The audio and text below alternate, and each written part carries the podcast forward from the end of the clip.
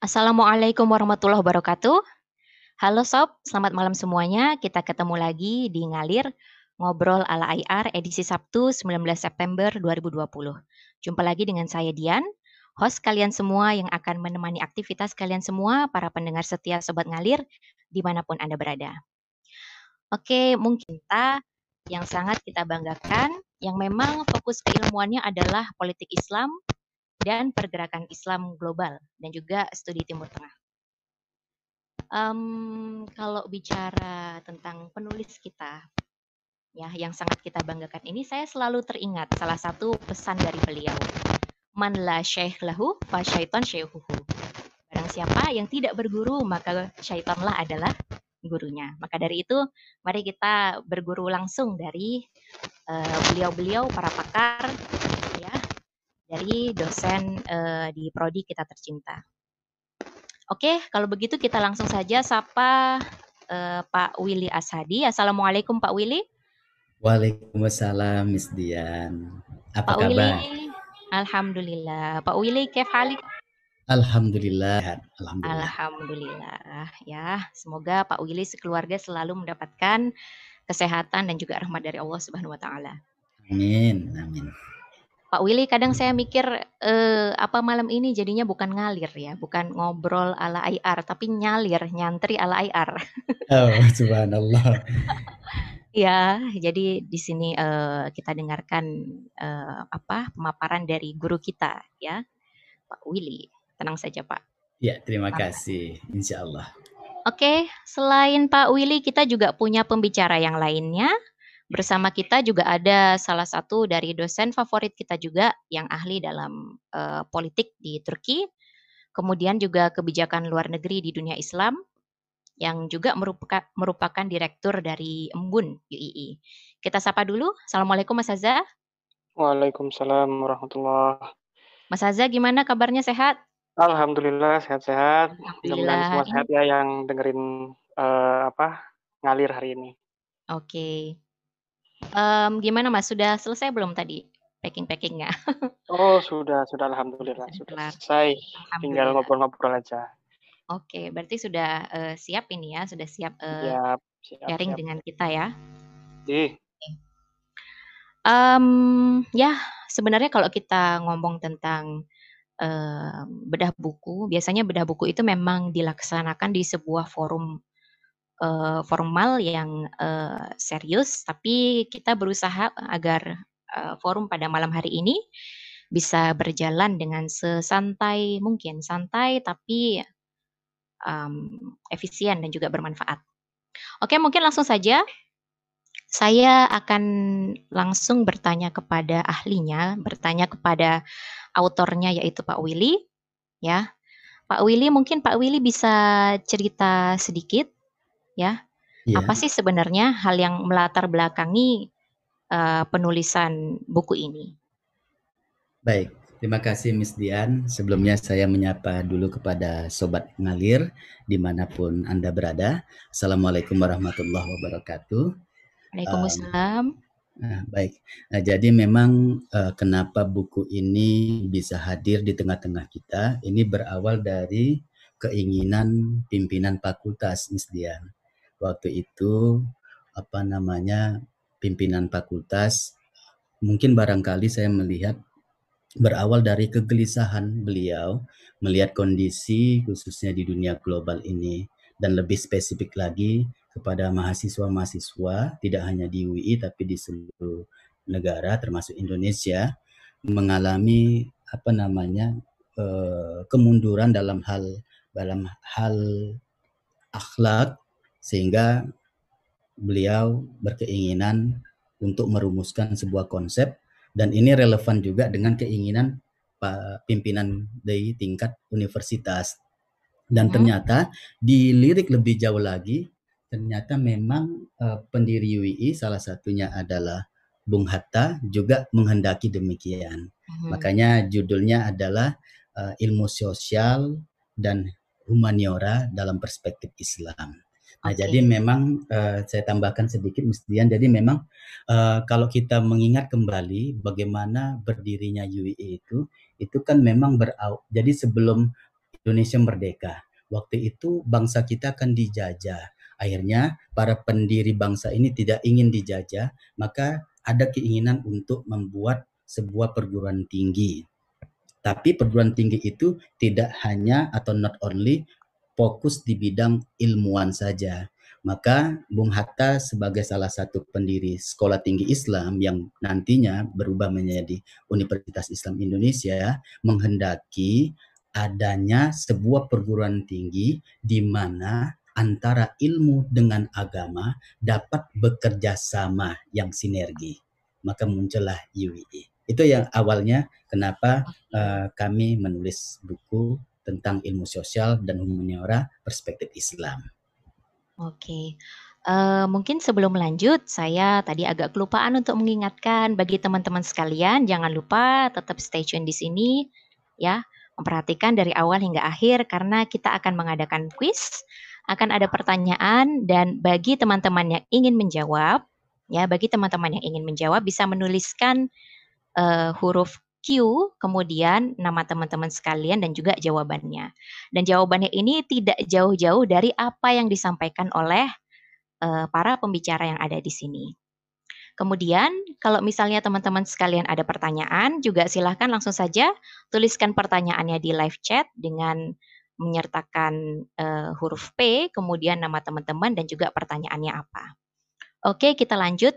Jadi kalau tadi dari pemaparannya Pak Willy sebenarnya hal yang melatar belakangi dan juga yang memotivasi Pak Willy dan juga mungkin autor yang lain ya, para penulis yang lain adalah karena uh, buku ini dilahirkan ini tidak jauh dari um, misi para. dari founding Tara uh, ilmu dengan agama. agama. Begitu Pak Willy? Ya benar sekali. Ya. Makanya Miss Dian sedikit saya tambahkan, ya. makanya pendirian UIE itu kalau misalnya tanggal masehinya kan tanggal 9 Juli. Uh mhm. -huh. Nah ternyata Islamnya itu bertepatan tanggal 27 Rajab.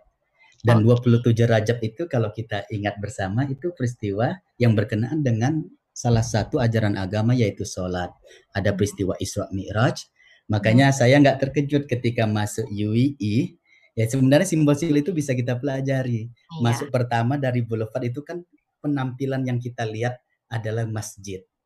Okay. Dan sebelahnya itu ada perpustakaan. Nah, saya mengilustrasikan kerjasama antara agama dengan ilmu, antara masjid dengan perpustakaan yang ada di UI. Begitulah gambarannya kira-kira. Oke.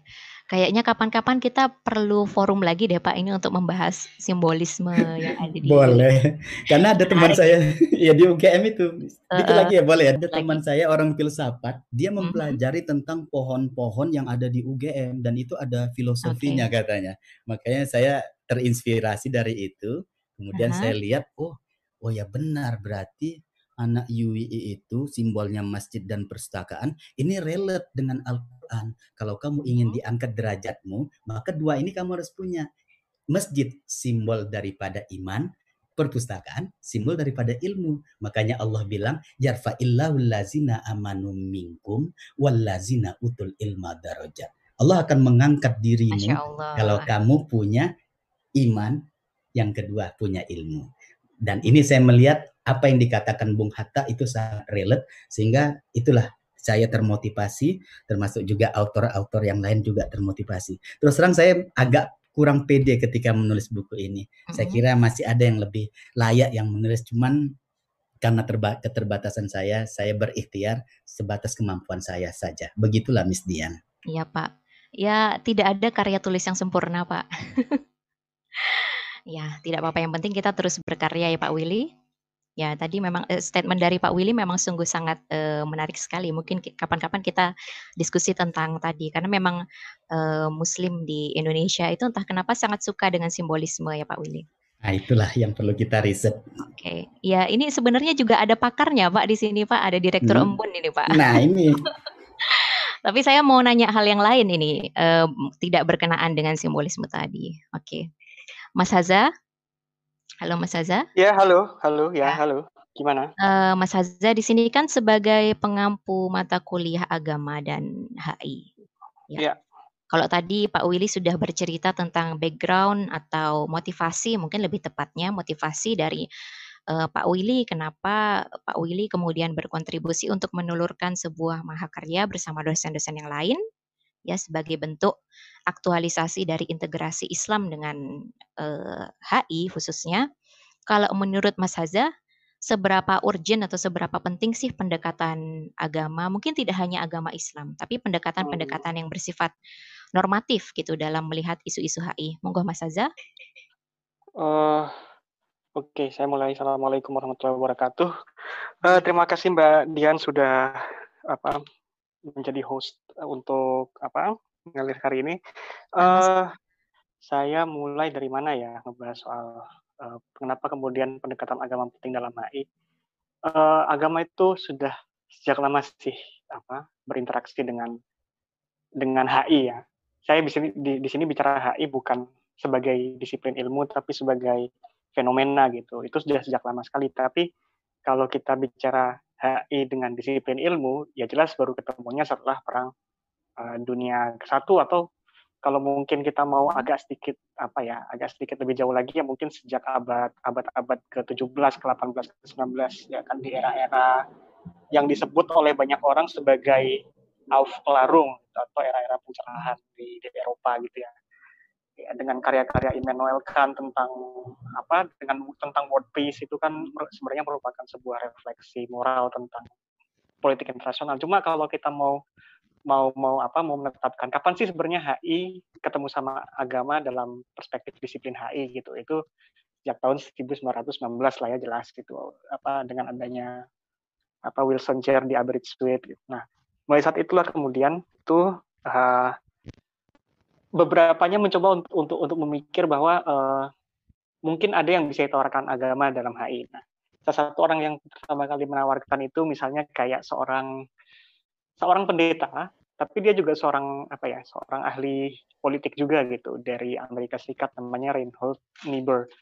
Nah, Reinhold Niebuhr ini itu uh, dia itu berada di lingkungan uh, apa politik internasional yang waktu itu sedang terjebak di antara Perang Dunia Pertama dan kemudian sedang menunggu Perang Dunia Kedua. Nah, dia sebenarnya sedang mencoba untuk, untuk menganalisis fenomena yang terjadi. Nah, pada saat itu kan terjadi apa? Uh, kebangkitan fasisme ya di di Eropa dan juga komunisme di Soviet gitu. Nah, dia melihat bahwa itu adalah rise of evil gitu, apa kebangkitan kebangkitan apa kekuatan-kekuatan jahat untuk untuk melawan orang-orang kebangkitan kebangkit apa kebangkitan kekuatan jahat itu perlu ada satu kekuatan moral kalau kata dia gitu karena itu yang sudah digariskan oleh Bible. Nah, kemudian dia muncullah dengan teori Kristen Kristen gitu kan. Ya. Jadi kita harus berupaya untuk mengalahkan kepentingan orang-orang jahat. Nah, itulah ibaratnya. Itu awal mula ya kan. Nanti kalau kita lihat dunia Islam misalnya hmm Dunia Islam agak agak agak terlambat, tapi kalau kita mau mau lihat sebenarnya Muhammad Iqbal udah mulai menganalisis soal politik internasional gitu kan, okay. meskipun secara terbatas. Tapi di di di awal tahun 50 sampai ke tahun 60 itu misalnya ada Imam Muhammad Abu Zahroh dari Al Azhar mm-hmm. yang yeah. yang beliau itu sadar bahwa kebangkitan bangsa Arab itu membuat orang-orang Arab harus berpikir tentang dunia oh. internasional ya kan. itulah yang kemudian jadi awal mula pertemuan antara agama dan HI menurut saya dalam segi disiplin loh itu. Ya, ya uh, Imam Abu Zahroh dengan karyanya Al-Alaqah Adawliyah fil Islam itu ya. Ya betul betul sekali. Oke, jadi teman-teman sekalian kalau memang kita uh, tarik balik ternyata integrasi agama dengan HI itu bukan hal yang uh, baru. Kalau kita bicara disiplin ilmu pun juga sebenarnya sudah lama ya Mas Hazaya. Sudah Apalagi sudah lama sekali, betul. Ya. Oke, Mungkin saya mau nanya lagi nih ke Pak Willy. Uh, terima kasih Mas Haza atas pemaparannya tadi.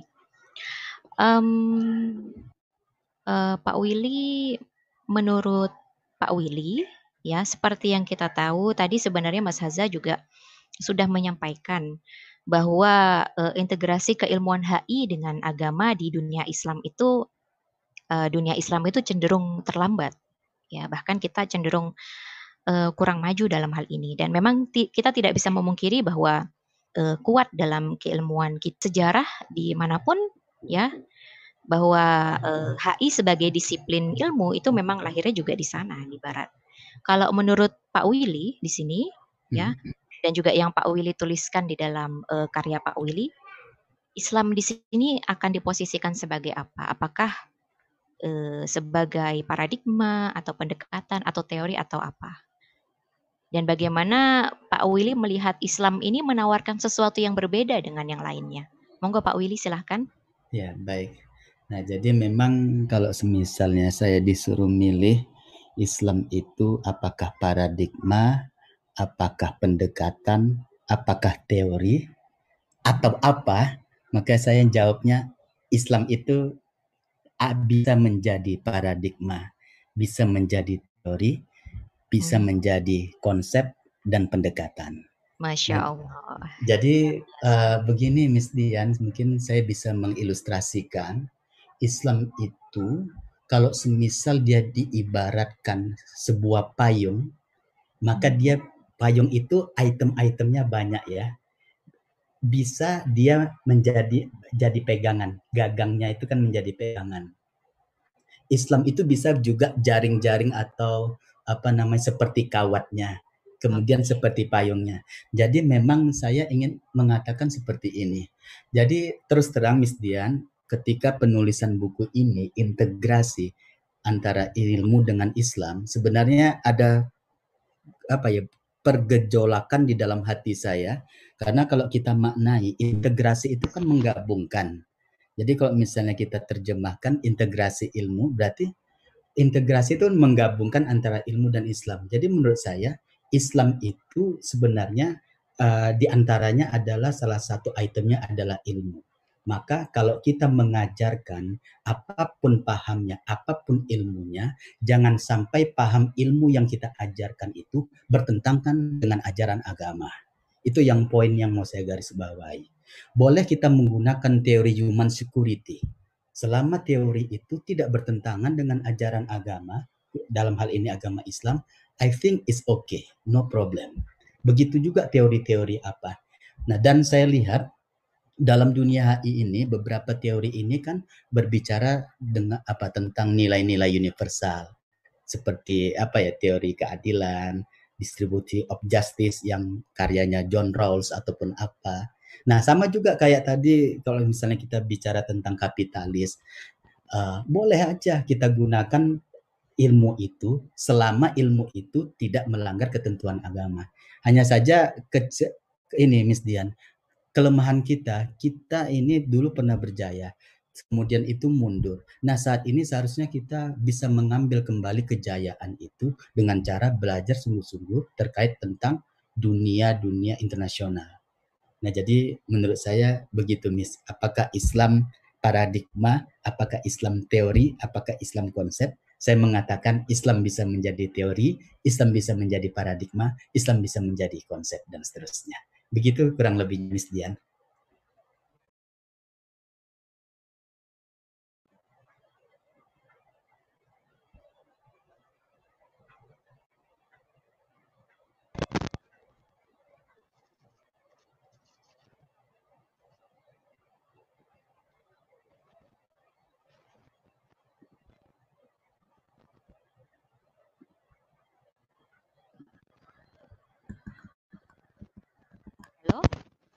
Halo Miss Dian, masih bisa mendengar suara saya? Ya, ya, bisa Pak. Tadi ada sedikit kendala teknis. Ya, jadi itu Miss Dian. Jadi memang Islam itu dia bisa menjadi konsep, dia bisa menjadi paradigma dan bisa juga menjadi teori. Prinsipnya adalah selama teori-teori dalam dunia internasional tidak bertentangan dengan ajaran dan norma-norma agama, maka bisa kita gunakan.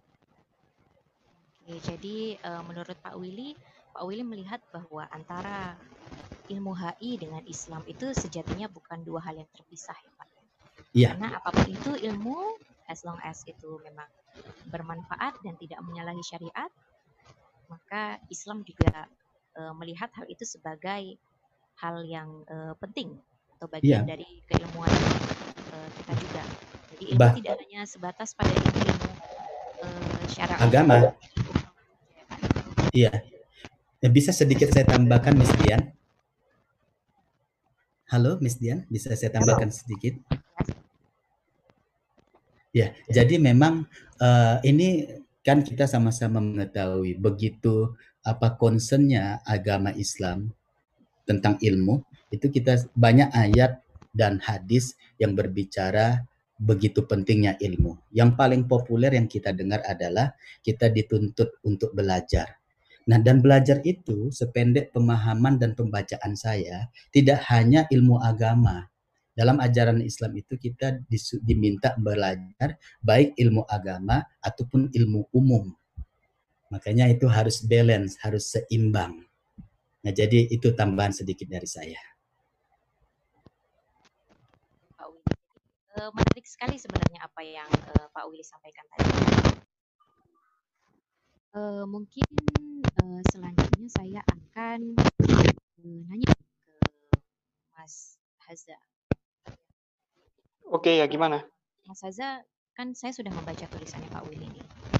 Ya. Di situ ada uh, salah satu uh, tulisan yang menyatakan bahwa uh, pasca Cold War khususnya ya ada perubahan fenomena hubungan internasional. Salah satunya adalah bertumbuhnya berkembangnya nasional aktor-aktor yang uh, cenderungnya non state. Hmm. Yang mana itu men-challenge teori-teori atau pendekatan-pendekatan barat dalam HI. Bagaimana Mas Haza melihat hal ini? Oh, oke. Okay. Oke. Okay. Uh, eh, saya mungkin kurang yang sudah ya. disampaikan saja.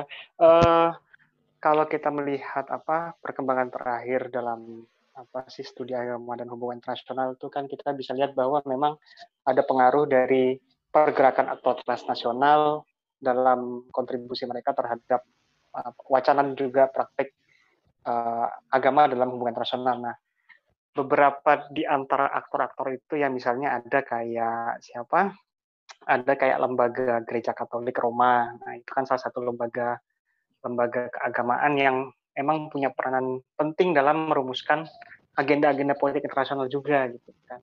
Saya kan uh, sempat di kuliah agama dan HI kan undang beberapa teman-teman Katolik untuk ngobrol tentang peran lembaga kepausan dalam agama uh, dalam agama dan hubungan internasional gitu. Uh, selain itu juga apa lembaga-lembaga keagamaan kan juga punya peran dalam apa membangun tatanan dunia yang lebih damai beratnya gitulah meskipun damai ini kita bisa maknai damai yang seperti apa dulu gitu kan. Nah salah satunya kan kemarin setelah uh, apa setelah Al Azhar bertemu ini Timur Tengah ini sedang mengalami sesuatu yang agak-agak unik. Saya nggak tahu apakah apakah kemudian ini hal baik atau hal buruk gitu ya. Tapi kalau kita lihat secara lebih hati-hati misalnya uh, setelah ditandatanganinya apa piagam persaudaraan manusia di Dubai antara Vatikan sama Al Azhar uh, ada banyak sekali hal-hal yang menarik untuk, untuk, untuk kita ikuti gitu. Misalnya uh, ini ini mungkin bukan tiba-tiba tapi sesuatu yang memang uh, sudah terjadi sejak lama gitu. Adanya hubungan antara Israel dengan Uni Emirat Arab dengan Bahrain ya kan? Itu perkembangan yang menurut saya terkait gitu. Dan uh, saya tidak tahu maksud damai perdamaian yang hendak dibangun oleh ini bagaimana, tapi itu tergantung aktor-aktor yang kemudian terlibat di sini gitu. Itu salah satu contoh ya, salah satu contoh bagaimana kemudian agama itu bisa membentuk agenda. Gitu kan. Selain itu misalnya agama juga berperan dalam membentuk agenda-agenda dalam masalah penyelamatan lingkungan gitu. Uh, Islam mungkin belum belum belum banyak memberikan apa ya. Mungkin ranah Islam lebih mikro ya, tapi kalau Katolik kan makro sekali. Paus itu sampai mengeluarkan sebuah dokumen terkait dengan penyelamatan lingkungan gitu. Jadi memang perannya sangat besar sekali. Untuk hal-hal negatif juga banyak ya, misalnya kayak ya ISIS, ISIS itu kan aktor transnasional ya, tapi mereka itu juga punya peranan dalam membentuk uh, apa agenda politik internasional gitu. Misalnya dengan mereka mereka walaupun punya karakter yang non state gitu, tapi mereka bisa mendefinisikan batas negara itu.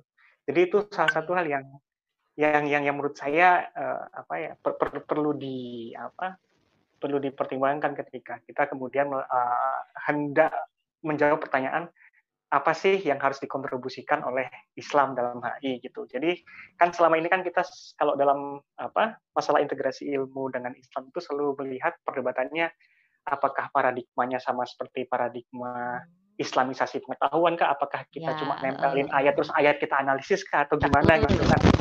Ya. Jadi kalau kalau saya pikir uh, analisis kalau kalau emang Islam mau memberikan kontribusi, pertama Islam tuh harus paham wacana politik yang ada sekarang di mana. Jangan ngomong normatif soalnya Islam tuh ngomong normatif terus dan kebanyakan orang orang-orang jamaah-jamaah sekarang tuh kayak ngomong normatif. Misalnya apa? Daulah itu luar biasa khilafah itu luar biasa. Tapi ada nggak landasan konsep landasan filosofis ini sudah sesuai dengan kenyataan? Apakah sudah sesuai dengan metode fikih? Nah, itu kan berat menurut saya. Jadi uh, kita sebagai umat Islam tuh punya PR berat gitu untuk tidak terlalu romantis gitu kalau kata saya. Ya. Itu sih Mbak Dian kalau dari saya.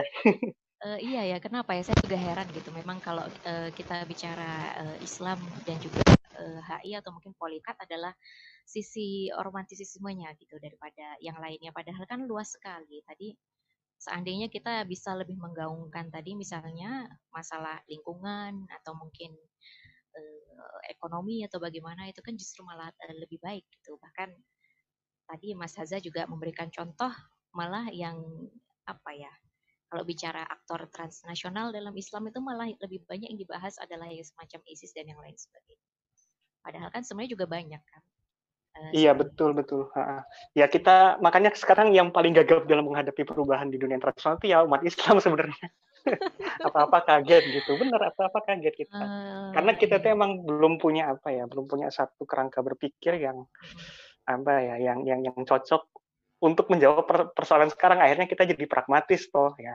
Okay. uh, eh, supaya Timur Tengah cepat damai ya udahlah kita berdamai sama Israel. Tapi apakah berdamai dengan Israel itu sebuah pilihan yang benar? Nah itu kan sebenarnya ada masalah di mana sih? Di software kita gitu loh. Umat Islam tuh uh -huh. belum belum punya software untuk menjawab satu permasalahan yang sebenarnya kompleks sekali untuk untuk dijawab gitu. Itu sih. Ya, ya umat Islam ya khususnya ya sebagai scholars yang Muslim gitu. Iya iya iya ya, ada. dasarnya itu? Ya ada banyak teori sih terkait dengan itu. Ada ada banyak sekali teori terkait dengan uh, kenapa sih umat Islam terbelakang gitu kan. Yang pertama dari bacaan yang udah saya baca dari Malik bin Nabi dari Muhammad Iqbal ya umat Islam tidak pede dengan filosofinya sendiri gitu kan. Nah, itu pertama. Yang kedua kita tuh terlalu bergantung sama cara berpikir barat. Cara berpikir barat tuh penting, kita harus paham, tapi uh, kita terlalu tergantung gitu kan. Mm-hmm. Ya. Atau sebalik, kebalikannya, kita terlalu pede dengan perspektif kita, filsafat kita, tapi kita nggak paham filsafat yang yang menyelingkupi kita gitu. Sehingga kemudian gak ketika kita menawarkan apa Mas Azza? Iya, karena kita kurang baca gitu. Ini saya mau mau mau, mau ngutip itu mau yang saya tunggu, apa? tunggu jawabannya sebenarnya. Mau ngutip Bollywood, mau ngutip Bollywood. Apa film PK kan Amir Khan itu kan pernah bilang gini di di, di film Bollywood itu uh, apa? Umat Samawi itu kan diberi tiga kitab. Orang Yahudi diberi Taurat, orang Injil diberi uh, orang Kristen diberi Injil, orang Islam diberi Quran. Orang Yahudi diberi Taurat kan apa perintahnya adalah untuk menghidupkan manusia, tapi malah mereka saling membunuh Nah, ya kan? Itu pikir itu saya ingat banget tuh Amir Khan uh, sedang bikin ironi tentang agama-agama itu. Injil perintahnya adalah saling menyayangi dan mencintai. Uh, uh, saling menyayangi dan mencintai. Eh, tapi ternyata malah saling membenci satu sama lain gitu kan. Malah mereka bikin firqoh-firqoh apa, bikin sektor-sektor sendiri itu. Islam Islam itu perintah pertamanya adalah membaca, tapi nggak ada yang mau baca itu. Iya, betul sekali. Ya itu mungkin karena uh, minat uh, membaca literasi di umat Islam itu juga semakin ke sini juga semakin uh, bukannya membaik ya, tapi malah uh, memburuk. Bahkan kalau kita bicara tentang apa pemahaman terhadap mungkin kitab-kitab turos atau karya-karya imam yang terdahulu juga dari kita sendiri juga mungkin belum baca ya, walaupun kita mengajarkan misalnya apa pendekatan Islam gitu dalam HI tapi misalnya makosid tapi siapa yang sudah membaca uh, buku al muwafaqat atau mungkin karya-karya imam yang memang uh, berjilid-jilid seperti itu gitu memang ya uh, ada beberapa constraint yang memang uh, mengganjal dan sekaligus juga menjadi challenge bagi kita sebagai uh, scholar muslim khususnya ya yang uh, punya fokus di bidang HI. Oke, menarik sekali sebenarnya dan uh, cukup menggelitik saya tadi yang disampaikan oleh Mas Haza. Uh, teman-teman sekalian, ya, kalau misalnya ada pertanyaan, silahkan tuliskan di live chat yang ada di YouTube. Ya, jangan lupa sertakan huruf P, kemudian nama dan juga kemudian pertanyaannya apa. Dan nanti saya mohon kepada uh, operator untuk menuliskan pertanyaannya di uh, di chat yang ada di sini. Kemudian selanjutnya, ya tadi kan saya sudah menyampaikan sebelumnya bahwa kita akan ada kuis. Nah, sekarang saya akan menyampaikan apa pertanyaannya. Pertanyaannya adalah, ya, kalau tadi teman-teman yang sudah memperhatikan dengan seksama, ya penyampaian oleh para pembicara pasti teman-teman langsung tahu jawabannya. Pertanyaan pertama adalah siapakah pendiri UII yang menginisiasikan integrasi antara Islam dengan ilmu pengetahuan. Oke, saya ulangi sekali lagi, siapakah nama tokoh pendiri UII yang menginisiasikan integrasi antara Islam dengan agama? Silahkan jawab di uh, fitur chat yang ada di YouTube dengan menyertakan huruf Q, kemudian nama, dan kemudian jawabannya. Gampang sekali. Untuk kalian yang bisa menjawab akan mendapatkan satu uh, hadiah spesial dari Pak Uli. Ya, tunggu saja. Uh, nanti akan kita sampaikan di akhir. Oke, okay? uh, itu tadi intermezzo sekilas info berkaitan dengan kuis dan juga pertanyaan. Um, kemudian uh, lanjut saja mungkin ke diskusi um, saya akan nanya ke siapa ya? Ya ke Pak Willy kayaknya.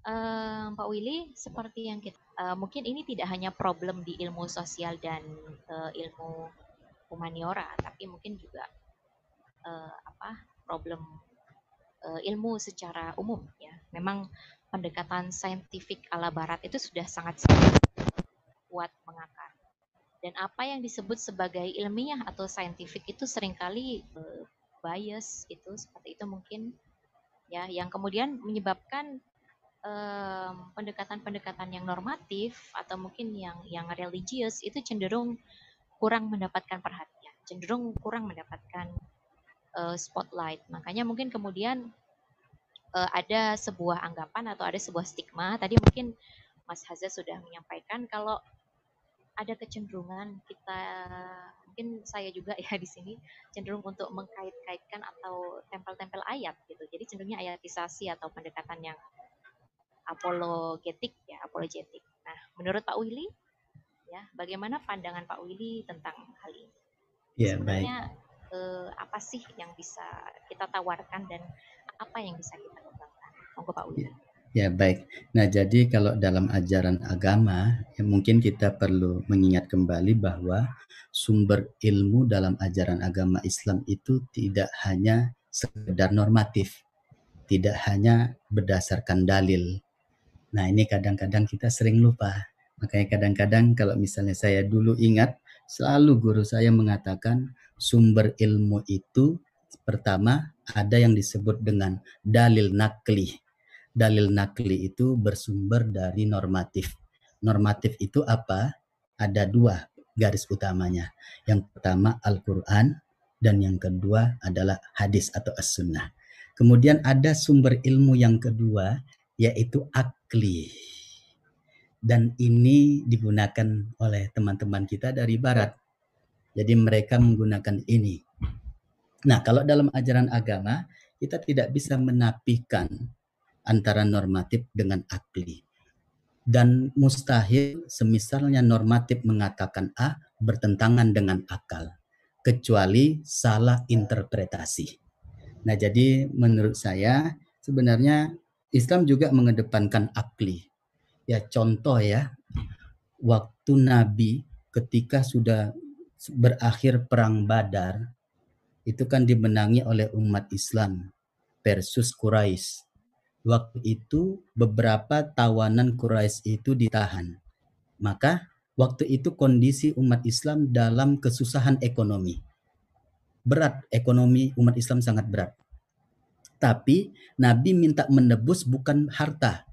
Tebusannya adalah karena memang waktu itu umat Islam masih kurang baca. Saya setuju tadi apa yang dihipotesa Pak Azza. Jadi Islam itu malas baca itu, malas baca.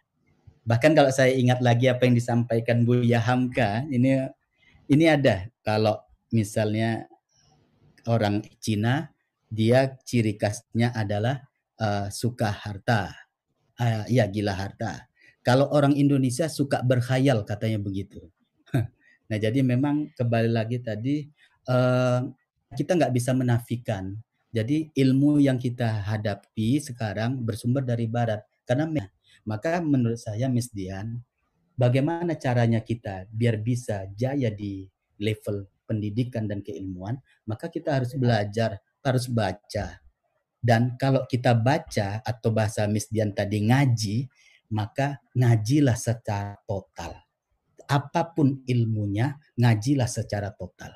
Belajar HI total, belajar agama total.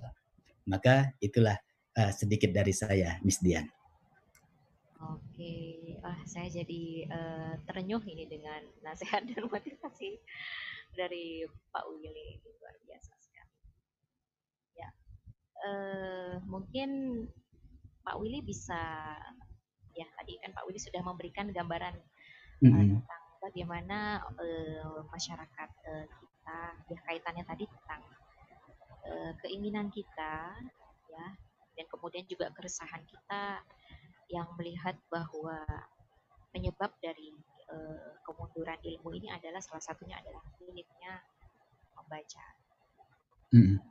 Um, tapi uh, ada tidak Pak Willy? Mungkin Pak Willy bisa uh, menggambarkan bagaimana kelebihan-kelebihan misalnya ya scholars uh, HI, para akademisi HI Muslim di Indonesia, hmm. apa yang uh, potensi apa yang ada pada mereka dan apa yang bisa kita kembangkan. Ya, baik. Nah, jadi pertama tidak hanya HI di Indonesia ya, di mana-mana. Sekarang kan zamannya teknologi, zamannya globalisasi. Ini merupakan satu sisi dia akan menjadi nilai positif. Kalaulah para scholars kita, para sarjana-sarjana kita bisa apa namanya berselancar di dunia globalisasi dan teknologi ini secara positif. Peluangnya dan potensinya sangat besar. Nah, oleh karenanya, uh, kalau saya melihat para scholars atau sarjana-sarjana HI di Indonesia, khususnya yang beragama Islam, saya kira itu dia punya nilai lebih jikalau dia memang selain dia mengkaji dan mendalami ilmu teo, ilmu-ilmu HI, secara global dan internasional, dia juga mendalami ilmu agama. Dan saya melihat potensi itu ada dimiliki oleh mahasiswa-mahasiswa ataupun calon sarjana-sarjana di Universitas Islam Indonesia termasuk juga universitas Islam yang lainnya ya, karena memang dia dibekali. Dan kalau misalnya kita berbicara tentang hubungan internasional dalam Islam, itu kurang apa uh, Umar bin Khattab sudah mencontohkan bagaimana kita berinteraksi dengan orang yang berbeda agama, orang yang apa berbeda suku dan seterusnya. Itu sudah ada regulasinya. Memang ini katakan inilah apa namanya dan itu kan bisa kita kembangkan Miss Dian. Ini namanya perkembangan ini saya mengistilahkan ijtihad. Semisal normatifnya saya nggak boleh menyentuh tangan mahasiswi karena bukan mahram saya. Tapi itu beda halnya semisal dia terjatuh di tengah lapangan, tidak ada lagi yang menolong kecuali saya, maka ijtihad saya itu wajib saya tolong. Karena ini saya dabul mafasid, menolak kemudaratan dan mengedepankan kemaslahatan. Begitulah kira-kira Miss Dian yang bisa saya tambahkan kaidahnya keluar ini Pak Darul Mafasid bukan Damun Alajar. ya, Terpancing saya Mas Dian. Uh, ya saya jadi uh, kepancing ini dari Pak uh, kemudian lanjut ke Mas Haza. Nah Mas Haza ini kan um, apa ya pengalamannya baik di uh, Indonesia di dalam negeri dan juga di luar negeri kan sudah banyak Mas Haza. Kalau menurut Mas Haza bagaimana uh, para cendikiawan muslim yang ada di eh, negara-negara uh, di dunia Islam yang lainnya yang ada di luar Indonesia. Apa sih kelebihan-kelebihan mereka dan apa yang bisa kita contoh dari mereka? Hmm, kelebihan ya. Apa ya? Saya pikir kita sama-sama belajar, Mbak. Karena gimana ya? Karena kita itu masih belum bisa ngapa-ngapain jujur aja. Nah itu maksudnya siapa ya Mas Azhar? Iya semua umat Islam. Maksudnya kalau kita melihat kondisi apa intelektual Muslim bisa berhak, ya dikit gitu. Jadi kita kalau, kalau saya bahasakan kita masih belajar bareng-bareng lah. Uh, mungkin ada ada beberapa kemudian senior-senior yang di luar sana sudah luar biasa, tapi uh, apa masih masih banyak yang perlu di apa di, dikembangkan gitu. Tapi kalau saya boleh boleh boleh boleh ngasih contoh misalnya kayak di Turki itu kan ya ada beberapa intelektual yang yang juga masuk ke politik gitu kan itu mencoba untuk mengaplikasikan cara berpikir Islaminya gitu dalam berpolitik internasional gitu. Nah, cara berpikir Islami yang dikembangkan misalnya kayak apa oleh mantan perdana menteri Turki zaman dulu siapa namanya Ahmed Davutoglu itu kan uh, jadi kalau kalau kita mau belajar dari beliau itu beliau itu punya pemahaman filsafat Jerman yang baik, filsafat baratnya bagus. Terus juga ada pemahaman Turos yang bagus gitu. Jadi beliau kena apa paham bagaimana cara menghadapi Barat, bagaimana juga cara menghadapi Islam gitu kan. Dan beliau sudah menulis banyak sekali buku. Saya sebenarnya pengen banget, pengen banget apa menerjemahkan beberapa, membuat intisari dari bacaan-bacaan beliau gitu kan. Cuma saya masih belum punya waktu gitu. Karena memang teman-teman Indonesia saya pikir perlu baca karya Ahmed Davutoglu ini kan salah satu perdana apa mantan perdana menteri Turki dulu. Beliau memang punya satu tujuan yang besar. Mungkin beberapa beberapa orang melihatnya sebagai sebuah tujuan yang utopis, tapi menurut saya ya bisa jadi titik-titik awal kita untuk berangkat gitu. Karena Turki kan sebenarnya juga ada proyek besar dalam dalam pengembangan ilmu sosial ini. Kayak misalnya kemarin Turki itu baru membangun universitas namanya Universitas Ibnu Khaldun. Ini saya pernah cerita-cerita nih ke Pak Willy nih soal Universitas Ibnu Khaldun ini kan. Itu kan sebenarnya merupakan sebuah upaya untuk apa? Untuk membangun apa sih satu komunitas epistemik yang baru gitu antara intelektual intelektual muslim yang emang berpikir tentang bagaimana mengembangkan ilmu sosial dalam perspektif Islam gitu. Itu yang yang kemarin saya sempat ngobrolin sama Mas Willy, eh, sama Pak Pak Willy sama Mas Fikar gitu kan. Karena kenapa? Karena kalau kalau apa perkembangan ilmu sosial dikuasai sama barat, ya mata kuliah-mata kuliah seperti the problem of God, the problem of religion. Jadi mempermasalahkan agama dan Tuhan itu akan selalu ada gitu kan. Ya, jadi jadi mempertanyakan mempertanyakan keyakinan gitu kan. Itu kan satu hal yang kemudian menjadi tantangan besar bagi masa depan agama atau nah. Itu Turki salah satu upayanya itu untuk membendung arus-arus liberalisme ekstrim seperti itu kan ya dan juga ateisme baru itu dengan cara membentuk satu komunitas epistemik baru lewat Universitas Ibnu Khaldun itu gitu. Jadi bagaimana bisa menjadi modern dan bagaimana bisa menjadi muslim gitu kan. Jadi dua-duanya kena. Nah, itu yang sedang dijalankan Turki misalnya. Itu. Jadi makanya butuh support negara. Nah, untungnya di Indonesia sudah ada tuh namanya UIII ya kan. Universitas Islam Indonesia Internasional. Itu kan salah satu cara juga gitu kan meskipun memang tujuannya adalah untuk mengglobalkan Islam Nusantara. Meskipun kita juga masih memperdebatkan apa namanya Islam Nusantara, tapi itu salah satu cara juga lah untuk kemudian kita melindungi cara berpikir uh, masyarakat Muslim supaya terhindar dari racun-racun yang sebenarnya tidak perlu. Gitu. Filsafat Barat itu penting, cuma uh, ya kita, kita perlu selektif lah dalam memahami itu gitu. Itu yang yang yang, yang mau saya berikan penekanan. Itu sih menarik sekali Mas Haza. Ini makanya Mas Haza ini suka langganan buku-buku kitab-kitab uh, Uros ya Mas Haza ya. ya salah satunya adalah uh, karena kita di sini sebagai muslim ya uh, bahkan yang uh, scholar sekalipun jadi muslim sekalipun ya uh, kita juga belum dekat gitu dengan uh, apa dengan karya-karya keilmuan ulama kita terdahulu dan di sini Mas Haza memberikan contoh bagaimana uh, Turki salah satunya di Universitas Ibnu Khaldun itu sudah selangkah lebih uh, maju. Kan uh, mungkin bisa jadi uh, kalau dengan triple IT gimana ini Mas Haza lebih lebih lebih unggul yang mana ini? Triple IT sebenarnya ini sih. Sebenarnya Ibnu Khaldun tuh mencoba untuk memberikan jalan baru kan karena orang-orang di Ibnu Khaldun tuh kan menganggap triple IT itu sudah mentok karena hasil penelitiannya cuma itu itu doang gitu. Menurut saya tetap tetap inilah hadir sebagai sebuah apa warna baru gitu. Maksudnya apa yang dilakukan oleh ini ini jadi terlalu teknis sih soalnya kan nggak nggak nggak semua paham soal triple IT. Jadi teman-teman yang yang baru yang baru dengar istilah triple IT, triple IT itu semacam lembaga lembaga apa sih kajian yang mencoba untuk mengintegrasikan Islam dan ilmu pengetahuan gitu.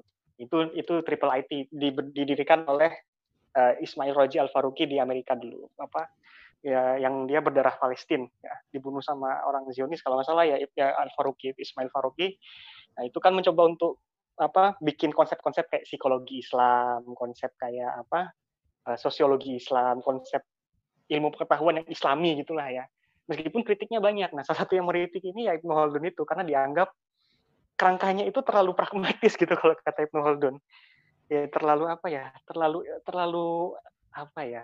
Asal ngutak ngatik gitulah ibaratnya. Jadi kalau Ibnu Khaldun tuh melihatnya kita tuh harus mulai dari bagaimana kita bisa membangun satu apa sih world view Islam ribet istilahnya memang mengawang-awang gitu tapi emang ini obrolannya apa ya saya nggak mau bikin obrolannya jadi jadi terlalu berat tapi intinya gini upaya-upaya yang ada memang harus dihargai gitu loh terlepas dari segala kekurangannya gitu kan terlepas dari segala macam apa sih uh, masalah teknis dan masalah pemikiran yang ada. Tapi menurut saya ya nggak ada yang sempurna gitu kan semua ini kan sebuah istihad gitu ya sebuah upaya untuk apa sih meraih uh, apa uh, maslahat gitu kan. Maslahat nggak cuma bagi orang Islam tapi juga orang banyak kan. Kalau kita percaya Islam itu sebagai sebuah solusi ya ya segala macam upaya harus bisa di, di, di, di, diupayakan gitu kan. Ya nggak masalah salah salah benar kan cuma Allah yang yang tahu ya gitu kan. Yang penting kita sudah berupaya dan upaya itu kan nilainya nilainya juga satu gitu kan. Kalau kalau salah satu kalau benar ya dua istihad kan kayak gitu bahasanya. Jadi ya yang penting kita selalu mencoba untuk untuk, untuk mencari jalan. Uh, tapi memang ses harus sesuai dengan perspektif Islam. Itu yang yang mau saya kasih tahu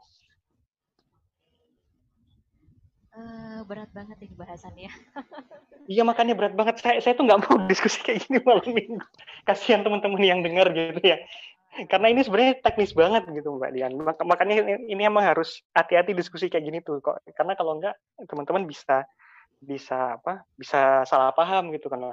Kok Islam ribet banget ya? Nggak nggak nggak ada cara yang instan gitu. Justru itu yang yang yang harus dijelaskan tidak hanya dalam satu, satu atau satu setengah jam, tapi memang proses yang lama untuk untuk kita bisa bisa mencapai uh, apa satu pemahaman yang utuh tentang bagaimana sih cara kita memandang ilmu pengetahuan dari segi Islam. Tuh.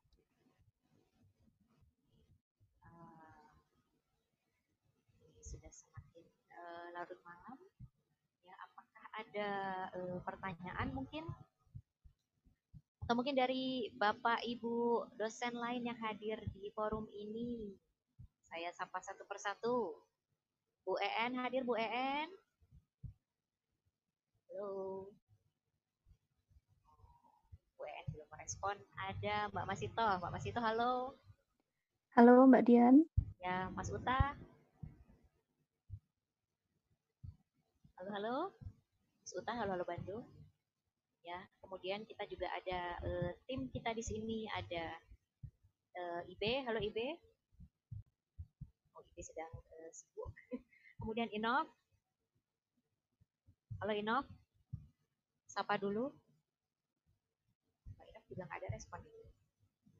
Jangan dari tadi uh, kita Oh, Inok di tempatnya Oke. Oh ya, mungkin uh, saya kawan-kawan sekalian, para sobat ngalir, untuk malam hari ini kita nggak ada hiburan. Biasanya kan kita kan ada uh, setiap jeda diskusi akan ada uh, hiburan. Karena yang di lockdown ya, uh, ya belum bisa mengembangkan suara. Atau mungkin uh, Pak Willy mau ngaji Pak Willy? Nanti di studio musik aja bareng-bareng. Oke. Oh iya Pak Willy ini eh, teman-teman mungkin belum tahu ya beliau ini juga anak band ya Pak Willy ya. Iya, masih. ada gitar gitu.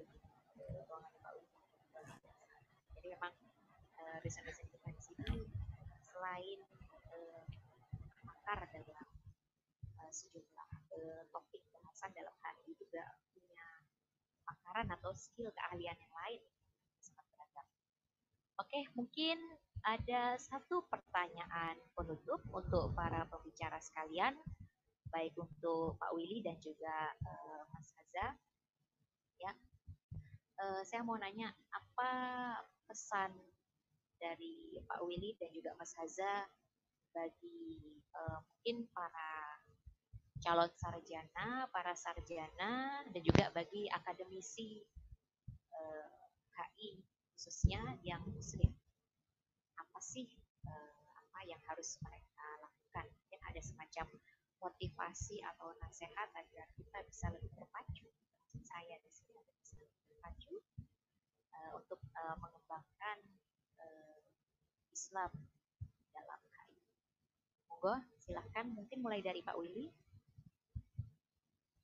Baik, terima kasih Miss Dian. Sebagai closing statement, uh, saya mau mengajak kepada para pendengar di mana pun Anda berada. Yang pertama terkait tentang ilmu, maka perintahnya adalah kita harus belajar. Belajarlah, belajarlah terus, belajarlah selalu, apa pun dan bagaimanapun kondisi kita. Bahkan para ulama mengatakan seperti ini, sebaik-baiknya teman adalah buku dan buku itu merupakan salah satu alat untuk kita bisa menjadi orang yang paham dan orang yang tahu. Yang kedua adalah saya mengajak ke ya, itu mahfuzat ya, Mistian. Ya, betul. Yang kedua, kalau belajar itu cobalah belajar jangan nanggung-nanggung. Belajarlah secara total Artinya kalau misalnya kita melebur, melebur keseluruhan, jangan nanggung-nanggung. Sama kalau saya dalam ngeband dulu Miss Dian, kita bawain lagu misalnya, bawain lagu entertainment Metallica ya, itu betul-betul kita pahami, jadi betul-betul kita kuasai betul. Nah jadi itu yang kedua, belajarlah jangan nanggung-nanggung, totalitas. Kalau bahasa Al-Qur'annya kafah, belajarlah secara total. Yang ketiga, saya setuju apa yang dikatakan Pak Azza tadi. Kalau saya ini Miss Dian, boleh kita menggunakan teori tradisional, tapi jangan melupakan modernitas juga. Nah itu kalau bahasa saya adalah tori kotul salap aslam. Kalau kita menggunakan teori uh, te, apa namanya teori tradisional, maka kita selamat. Tapi ada statement yang lain, watori kotul kholab akam kalau kita menggunakan metode ataupun teori modern itu lebih bijak. Kadang kita boleh menggunakan teori tradisional dan terkadang juga kita bisa menggunakan teori modern. Saya kira itu untuk para calon sarjana, khususnya mahasiswa Universitas.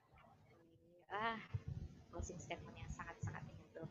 Oh ya Pak Willy, kebetulan uh, tadi dari Sobat Ngalir ada yang berhasil menjawab pertanyaan dari Ngalir. Iya. Uh, kawan kita saudara Muhammad Habib Pasha ya selamat kepada Muhammad Habib Pasha yang sudah menjawab pertanyaan ini sudah mendapatkan pemaparan dari Pak Uli yang pertama yang awal-awal bahwa Kondifator UII salah satu pendiri UII yang uh, menginisiasikan integrasi antara Islam dan uh, ilmu pengetahuan adalah Muhammad Oke, selamat kepada Muhammad Habib Pasha. Setelah ini Pak Willy ya, uh, iya. Bisa uh, memberikan uh, mungkin buku pada simbolik ya. Nanti langsung saya kasih sama Ananda, Pak ya. Ya saya. Ya, nanti uh, mungkin kontak belakang. Oke, uh, terima kasih Pak Willy atas closing statementnya. Kemudian saya lanjut kepada Mas Haza. Ya, apa ya. pesan Mas Haza? untuk uh, tadi segala keresahan, segala keprihatinan uh, kita yang berkaitan dengan ya betapa mundurnya umat Islam di dunia ini ya uh, dalam ilmu pengetahuan yang di luar ilmu-ilmu bukhrawi ya salah satu sosial dan masyarakat. Moga Mas Hasan. Apa ya? Uh, kalau saya sih pesan saya masih simpel aja banyak baca dan banyak diskusi dah gitu aja kalau udah baca, udah diskusi, nulis, terus bergerak bareng-bareng, insya Allah pelan-pelan akan tercapai gitu ya. Tapi yang rajin-rajin gitu ya. Maksudnya menja apa menjadi seorang pembaca di tengah dunia yang banyak distraksi ya drakor ya ya Netflix ya ya mabar ya apa itu susah banget susah banget untuk menjadi istiqomah membaca itu susahnya luar biasa padahal udah WFH ya kan udah WFH udah apa studying from home gitu kan. Tapi tetap aja tantangan itu banyak. Padahal uh, ada banyak waktu yang yang kita bisa gunakan untuk membaca lagi. Ya. saya sekali lagi kan perintah oleh yang yang paling utama dan pertama kan baca baca kayaknya emang, emang karena itu kelemahan kita makanya disebut pertama kali gitu ya. Karena emang kita itu akan selalu menghadapi banyak disrupsi banyak tantangan. Selalu ingat untuk membaca gitu ya. Saya tahu membaca itu susah. Saya saya juga susah untuk membuat mahasiswa itu membaca. Makanya uh, pesan saya cuma satu baca, baca dan baca gitu. Baca terus diskusikan, terus tuliskan, terus lakukan sesuatu itu itu kan prosesnya seperti itu ya kan jadi memang kita harus sabar dalam berproses gitu ya nggak ada yang namanya gelar sarjana itu cuma apa nonton video kuliah doang terus selesai nggak ya nggak bisa kayak gitu itu ya apa bedanya sama apa sama orang nonton YouTube seharian sama orang nonton serial seharian itu kan beda banget. Semua ini kan dari sebuah proses intelektual dan jadi seorang berilmu tuh berat banget berat banget. Saya juga masih harus banyak banget belajar. Itu aja sih pesan saya. Saya emang nggak mau ngomong macam-macam lagi. Itu aja mbak Dian. Jadi memang uh, budaya uh, belajar kita kalau kita bandingkan dengan pembelajar muslim di zaman dulu zaman keemasan Islam itu memang ada sedikit pergeseran ya mas ya? Kalau dulu mungkin seorang pembelajar itu bisa mencurahkan segala apa yang dia punya untuk guru jauh-jauh. Kalau sekarang ini milenialnya setel video masih ikut zoom kemudian tidak dibaca. Jadi tadi semacam semi-semi uh, curahan hati seorang dosen. Um, oke okay, uh, mungkin itu saja pemaparan pemateri kita pada malam hari ini luar biasa sungguh-sungguh sangat menginspirasi ya. Saya yakin ini sangat uh, menggugah hati sobat ngalir semua bahkan termasuk saya di sini ya. Karena memang uh, banyak dari kita mungkin yang belum punya kesadaran belum punya awareness atau belum melek dengan uh, fakta bahwa uh, keilmuan kita khususnya ilmu HI ini semestinya dapat kita kembangkan lebih jauh lagi. Bisa memasukkan perspektif agama, perspektif yang lebih uh, normatif ke dalam apalagi tadi mungkin sudah disampaikan banyak sekali um, apa fenomena-fenomena yang uh, berkembang. Dan itu mungkin uh, bisa kita berikan alternatif atau kita tawarkan pendekatan uh, Islam yang pasti bisa menjawab tantangan-tantangan dan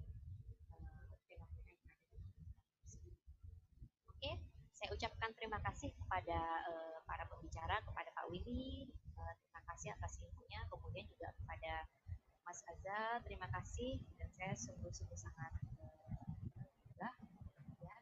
Saya juga mengucapkan terima kasih kepada uh, para Bapak Ibu yang sudah menyimak, kemudian para sobat ngalir yang selalu stay tune dan juga apa yang kami sampaikan selalu ikut dalam siaran ngalir. Oke, mohon maaf apabila terdapat kesalahan atau mungkin sebagainya. Tetap wassalamualaikum warahmatullahi wabarakatuh.